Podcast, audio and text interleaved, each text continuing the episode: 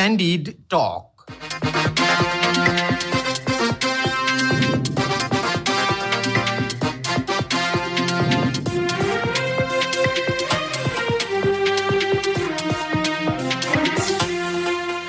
नमस्कार क्यान्डी टकमा तपाईँलाई स्वागत छ म धीरज बस्नेत। रेडियो क्यान्डिडको प्रस्तुति कार्यक्रम क्यान्डी टक तपाईँले शनिबार बाहेक हरेक दिन बिहान साढे छ बजेबाट सात बजेसम्म आधा घन्टा सुन्दै आइरहनु भएको छ। समसामयिक विषयमा कुराकानी हुने यो कार्यक्रम तपाईँले काठमाडौँ उपत्यका र आसपासका जिल्लामा बयानब्बे दशमलव सात मेगाहर्जमा रेडियो क्यान्डिडको आधिकारिक फेसबुक पेजमा हाम्रो पात्रोमा रेडियो क्यान्डिडको एप्स डाउनलोड गरेर र पोडकास्टमा समेत सुन्न सक्नुहुन्छ। सरकारले कृषि र आन्तरिक उत्पादनमा जोड दिँदै आगामी आर्थिक वर्ष दुई हजार उनासी असीको नीति तथा कार्यक्रम ल्याएको छ। राष्ट्रपति विद्यादेवी भण्डारीले हिजो संघीय संसदको संयुक्त सदनमा सरकारको आगामी नीति तथा कार्यक्रम प्रस्तुत गर्नु भएको हो। सरकारको नीति तथा कार्यक्रमले कृषि तथा औद्योगिक उत्पादन र उत्पादकत्व बढाउने निर्यात प्रवर्धन र आयात विस्थापन गर्ने रोजगारी बढाउने गरिबी घटाउने तथा अर्थतन्त्रलाई सबल र उत्थानशील बनाउने लक्ष्य लिएको छ। तर ती नीतिलाई कार्यान्वयन गर्ने अधिकांश कार्यक्रम भने पुरानै छन्। यस्ता कार्यक्रमको कार्यान्वयन विगतमा पनि कमजोर रहेकाले लागू हुनेमा अर्थशास्त्रीहरूले आशंका व्यक्त गरेका छन्। हामी आज यसै विषयमा कुराकानी गर्दैछौँ। हिजो सार्वजनिक भएको सरकारको नीति तथा कार्यक्रम कति कार्यान्वयन योग्य छ यसले कस्तो बजेट आउने आकलन गर्न सकिन्छ र यसले अहिलेका समस्याहरू समाधान गर्न सक्छ कि सक्दैन? यी र यस्ता विषयमा आज हामी विशेष कुराकानी गर्दैछौँ पूर्व गभर्नर तथा अर्थविज्ञ डाक्टर दिपेन्द्र बहादुर छेत्रीसँग। छेत्रीज्यू यहाँलाई स्वागत छ क्यान्डी टकमा। हस् धन्यवाद। सबै सबैभन्दा पहिला चाहिँ हिजोको नीति तथा कार्यक्रमलाई तपाईँले सार संक्षेपमा हेर्दाखेरि कसरी समीक्षा गर्नुहुन्छ वा यसलाई कसरी लिन सकिन्छ? अब यो नीति तथा कार्यक्रम भने बजेटको प्रारूप अब कस्तो हुन सक्छ भन्ने किसिमले सङ्केतहरू दिने डकुमेन्टको रूपमा हो। र यो सरकारले तयार गर्ने हो वाचन चाहिँ सम्मान्य राष्ट्रपतिजीले गर्नुहुन्छ।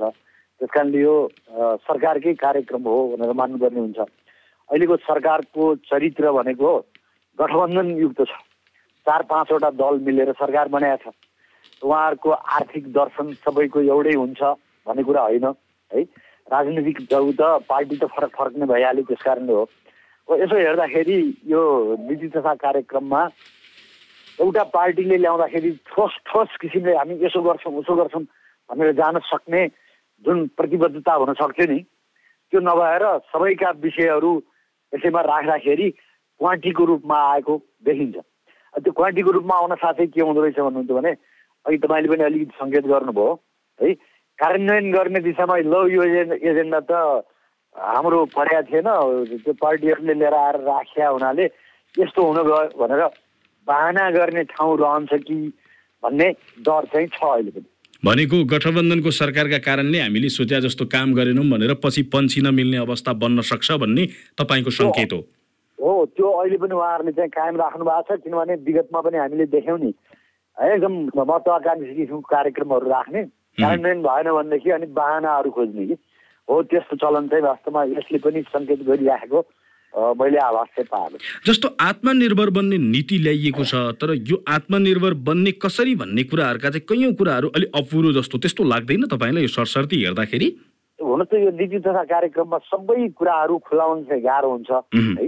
यसले सङ्केत गर्ने हो र ठोस रूपमा त बजेटमा कति पैसा विनियोजन गरिन्छ भन्ने कुरा हेरिन्छ। र त्यो विनियोजन गरेको पैसालाई कसरी खर्च गरिन्छ गर्ने रणनीति के हुन्छ भनेर हेर्ने कुराहरू हुन्छन्। त्यस कारण त्यसको लागि त हामीले पछि पर्खिनुपर्ने अवस्था हुन्छ। र फेरि पनि मैले त्यो भनिराखेको कारण के छ भन्नुहुन्छ भने आगामी आर्थिक वर्ष त फेरि पनि चुनावको वर्ष त हो नि। हामीले स्थानीय तहको चुनाव अहिले गऱ्यौँ होइन? अब सङ्घीय र प्रदेशहरूको चुनाव त फेरि अर्को पटक हुनुपर्ने हो। त्यसमा महत्वाकांक्षी किसिमका कार्यक्रमहरू राखेर चुनावलाई प्रभावित गर्ने यताउता गर्ने हुन्छन् कि हुँदैनन् भन्ने कुरामा खालि एउटै सामान्य प्रधानमन्त्रीज्यूको जिल्लामा मेडिकल कलेज खोल्ने भने है? त्यो प्रोजेक्ट ब्याङ्कभित्रको परियोजना हो कि सामान्य प्रधानमन्त्रीज्यूको भोट ब्याङ्कलाई अलिकति ठोस रूपले चाहिँ सुनिश्चित गर्न खोजिएको हो। यस्ता कुराहरू के हुन्छ भने एकदम डिपिआर तयार नगरिकन यताउता नगरिकन ल्याइया रहेछ भनेदेखि कार्यान्वयन गर्नलाई चाहिँ त्यसले गाह्रो हुन्छ। अघिल्लो पटक एकैचोटि चाहिँ प्रधानमन्त्री तत्कालीन प्रधानमन्त्री केपी शर्मा ओलीले बालुवाटारबाट स्विच थिचेर दुई सय भन्दा धेरै सडकको एकैसाथ शिलान्यास गरे जस्तो वा भनौँ स्वास्थ्य कार्यले शिलान्यास गरे जस्तो त्यो खालको स्थिति नआउला भन्न नसकिने स्थिति भयो। एउटा त्यो हो अनि फेरि माथि बसेका मान्छेले प्राथमिकता दिए भने बजेटमै नपरे पनि जबरजस्ती त्यो कार्यान्वयन हुँदो रहेछ भने झापाको टावरले पनि देखाएको छ होइन? अब यतापट्टि आशा गर्ने हो भनेदेखि त्यो उहाँहरूले बोले जस्तै नि प्रोजेक्ट ब्याङ्कका बाहेक अरू परियोजनाहरू हामी राख्दैनौँ भनेर जुन घोषणा गर्नुभएको छ त्यो मिथ्या हो भनेर लिनुपर्ने अवस्था चाहिँ आउँछ। भनेको जस्तो यसलाई अहिले अर्को एउटा पाटो पनि हेरौँ। मैले भन्न खोजेको यहाँनिर केही केही कुराहरू अलि फरक ढङ्गले पनि आइरहेका छन् जस्तो नेपाली उत्पादन तथा उपभोगको अभिवृद्धि अभियान दशक भनिएको छ। यसले चाहिँ के त्यस्तो प्रभाव वा के त्यस्तो फरक ल्याउन सक्छ?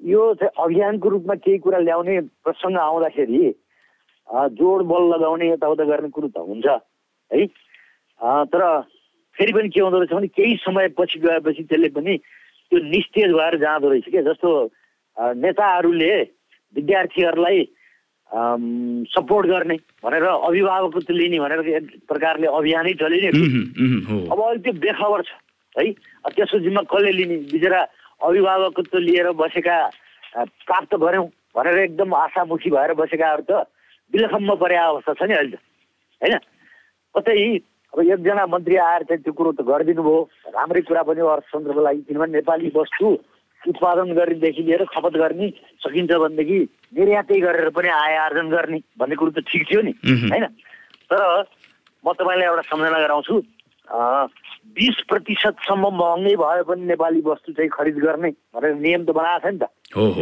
तर त्यो खरिद गर्ने कुरामा खरिद गर्नेहरूलाई त्यो हातमा अलिअलि टासिएर केही नआउने भएपछि उनीहरू एकदम उदासीन देखिन्छन् र त्यो नीति बन्नु र नबन्नु केही फरकै छैन भने जस्तो भयो।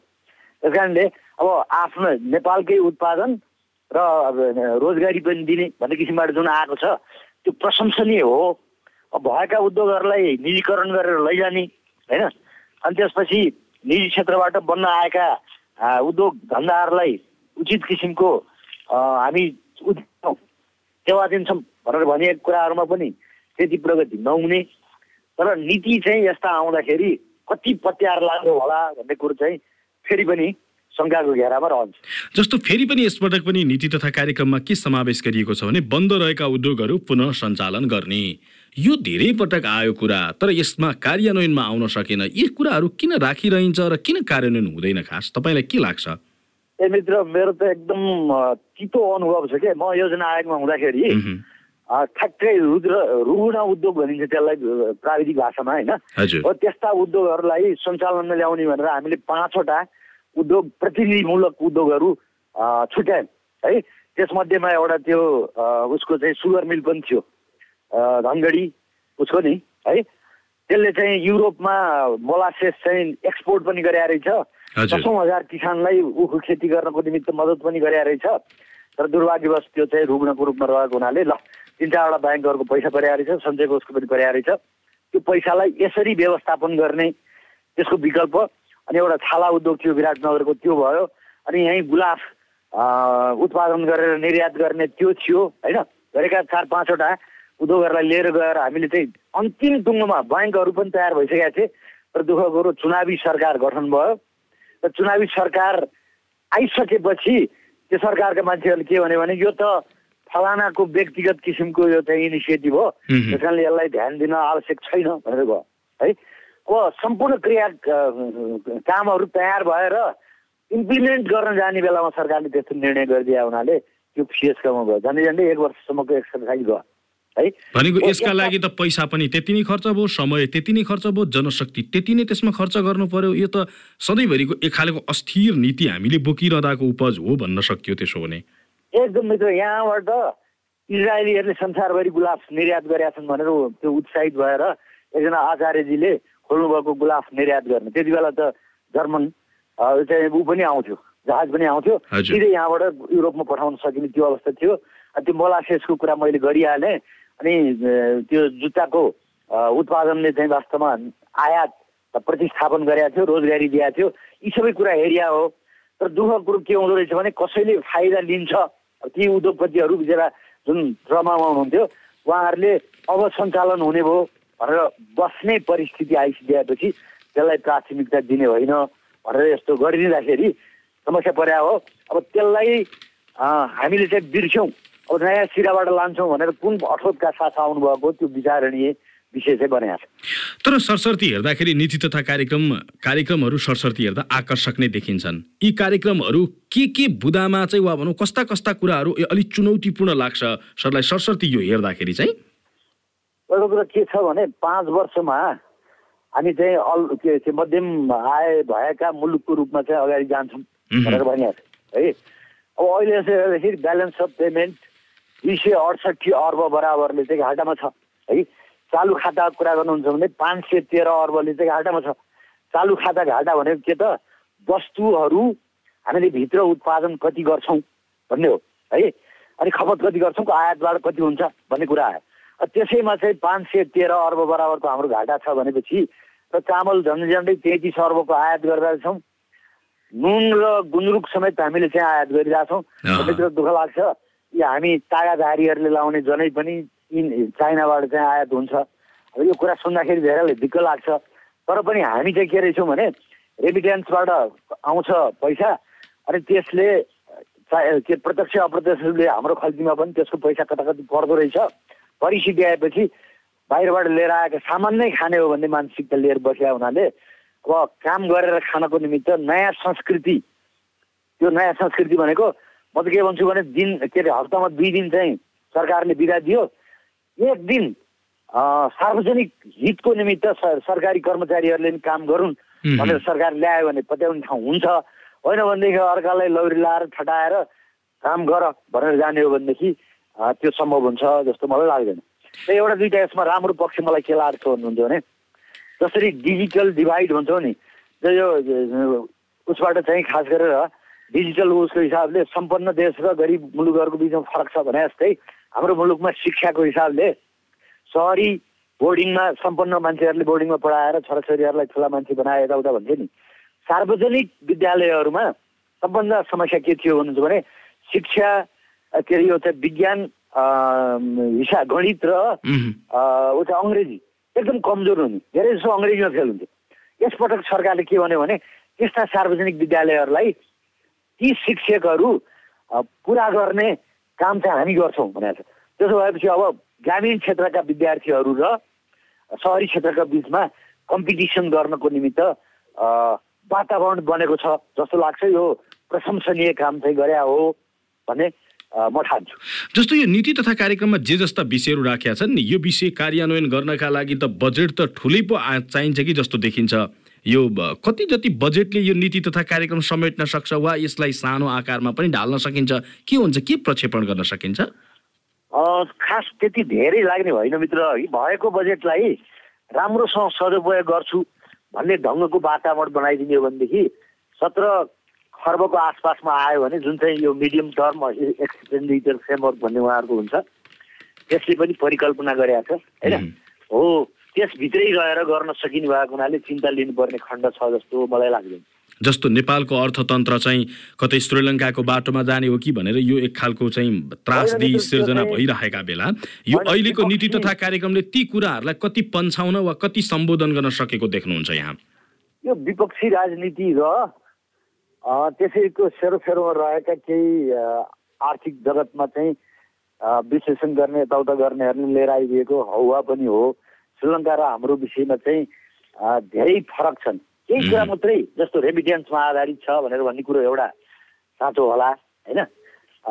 त्यति मात्र होइन। अब हामी त सबै कुरा बाहिरबाटै ल्याउने स्थितिमा छौँ। हाम्रो सबै कुरा चाहिँ अरूमै भर पर्नु पर्ने अवस्था छ। श्रीलङ्का भन्दा फरक त त्यस्तो त हामी उही बद एउटा चाहिँ डलर सञ्चितका हिसाबले हामी अलिक स्ट्रङ होलाम त भन्दा फरक त के हुन सक्छ र? त्यसो भन्ने हो भने त उनीहरू कोस्टल एरियाका मुलुक हुन्। है जुनसुकै बेलामा पनि चाहियो भनेदेखि कुनै मुलुकले विश्वास गरिदियो भने जहाजबाट सबै कुरो ल्याएर खतेर दिन सक्छ। हामी भूपरिवेशी देशमा छौँ भन्दाखेरि पनि हुन्छ भन्लाई त है। तर पनि एउटा कुरा के छ भने राजनीतिक स्थिरताको कुरा गर्नुहुन्छ भने श्रीलङ्काको भन्दा हाम्रो राम्रो छ भन्ने किन देखाउँछ? हामीले सक्सेसफुल्ली शान्तिपूर्ण तरिकाले नै स्थानीय निकायको चाहिँ चुनाव गऱ्यौँ। जबकि त्यहाँ चाहिँ हेर्नुहोस् राष्ट्रपति र प्रधानमन्त्रीको घर हेर्न गएर आतङ्क छ नि त होइन? अब यस्ता कुराहरू पनि सबल पक्षहरू हुन्। दोस्रो कुरो के भने अब शिक्षा नलिकन हामीले होइन हामी चाहिँ बहादुरहरूको देश बाहिरबाट पेन्सन आउँछ बाहिरबाट रेमिटेन्स आउँछ सबै कुरो गर्न सकिन्छ भन्ने हो भनेदेखि त हामी पनि जोखिममा रहन्छौँ। होइन भने आत्मबलका साथ मेहनत गरेर मुलुकभित्र भएको स्रोत र साधनलाई प्रयोग गरेर अगाडि बढ्नुपर्छ भन्ने हो भनेदेखि हामी त्यो दिशाबाट धेरै टाढा छौँ भन्ने मेरो बुझाइ हो। जस्तो आत्मनिर्भर बन्ने भन्ने कुरालाई निकै प्राथमिकतामा राखिएको छ त्यसो त यो पटक मात्र होइन योभन्दा धेरै अगाडिदेखि नै सरहरू योजनामा हुँदादेखि नै वा त्योभन्दा अगाडिदेखि नै सरहरूले नै सुन्दै वा लेख्दै आउनु भएको चिज हो। तर यो जति पनि हामी आत्मनिर्भरका कुरा गर्छौँ त्यो झन् झन् हामी परनिर्भरतर्फ अगाडि बढिराखेका छौँ। यस्तो अवस्था किन भन्छ हो अब यसपटक चाहिँ कृषिमा विशेष जोड दिएको छ श्रमको उपयोगको विषयमा पनि अलिकति प्याराग्राफहरू खर्च गरिराखेका हुनाले अब सरकारमा चाहिँ उद्बोधन भएछ कि भने जस्तो लाग्छ। जस्तो कृषिमा अनुदान दिने कुरा थियो नि। एकदम ठुलो पेट भएका किसानहरूले त्यो पैसा लान्छे रियल किसानहरू कहाँ वास्तवमा त्यो अनुदान पुग्दैन। होइन? त्यसो भएको हुनाले उत्पादन वृद्धि भएन यताउता भएन भन्ने गुनासो गरिआयो तर यसपटकको अनुदान चाहिँ के भयो भने उत्पादनमा आधारित हुनेछ भने। अब एकजनाले दस मुरी उत्पादन गरेछ भने त्यसको लागि अनुदान कति दिने भन्ने कुरो तय हुने भयो। तर त्यो दस मुरी हो कि पाँच मुरीलाई नै दस मुरी बनायो भन्ने अभिलेख र छानबिन गर्ने कुरो फेरि त्यो निकायमा भर पर्छ है। झुठा विवरण दिएर त्यस्तो गर्न सक्ने भन्ने अवस्था होला। त्यस कारणले यो अब्जेक्टिभ वस्तुगत हो जस्तो मलाई लाग्छ। जसले उत्पादन गर्न सक्यो उसले पायो जसले अल्छी गरेर ठगठा गरेर खान्थ्यो तिनीहरूले अब दाँतबाट पसिना निकाल्नु पर्ने अवस्था आयो भन्ने कृषिको क्षेत्रमा हो है। र विगतमा कस्तो भने उत्पादन गरिसकिएपछि सपोर्ट प्राइस भनेर सरकारले भन्ने गर्थ्यो। तर सपोर्ट प्राइस अन्तर्गत फेरि के भने गर्नुपर्ने काम चाहिँ नगरिदिने के? इन्डियनहरूले आएर व्यापारीहरूले सबै खरिद गरेर लैसके अनि हाम्रो व्यापार कम्पनी भने चाहिँ छ महिनापछि बजेट बल्ल प्राप्त गरियो भनेर जान्थ्यो अब यसरी तालमेल मिलायो भनेदेखि मुलुकलाई अगाडि लिएर जानको निमित्त त्यति गाह्रो हुन्छ जस्तो मैले देख्दैन। श्रमकै विषयमा पनि दुविधायुक्त किसिमको एउटा के आयो भने हाम्रो उद्योग हाम्रै श्रम रोजगारी अनि हाम्रै वस्तु उपभोग भन्ने त्यो त रह्यो।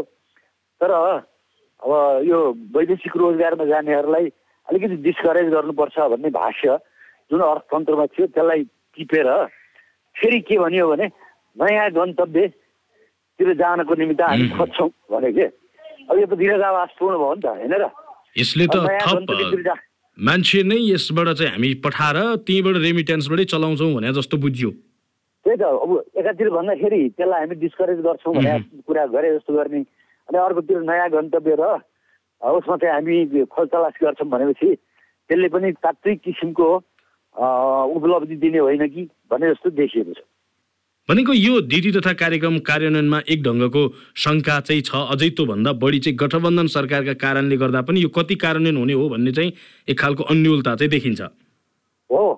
अब एउटै पार्टीको मात्रै भएदेखि एकदम ठोस रूपले अगाडि बढ्ने यताउता गर्ने कुरा आउँथ्यो। दायाँ बायाँ भए उसको कान समात्न पनि सकिन्थ्यो होला। हो।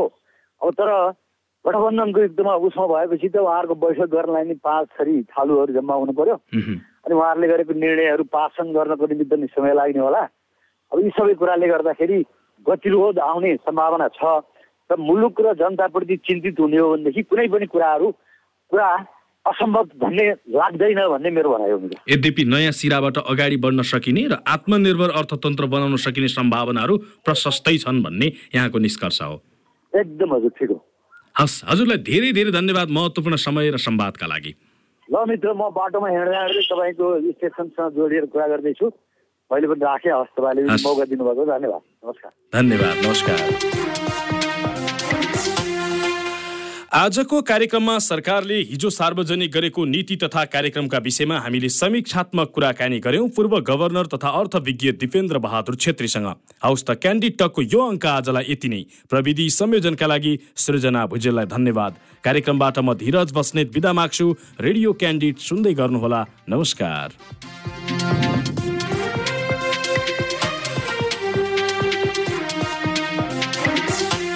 Candid Talk.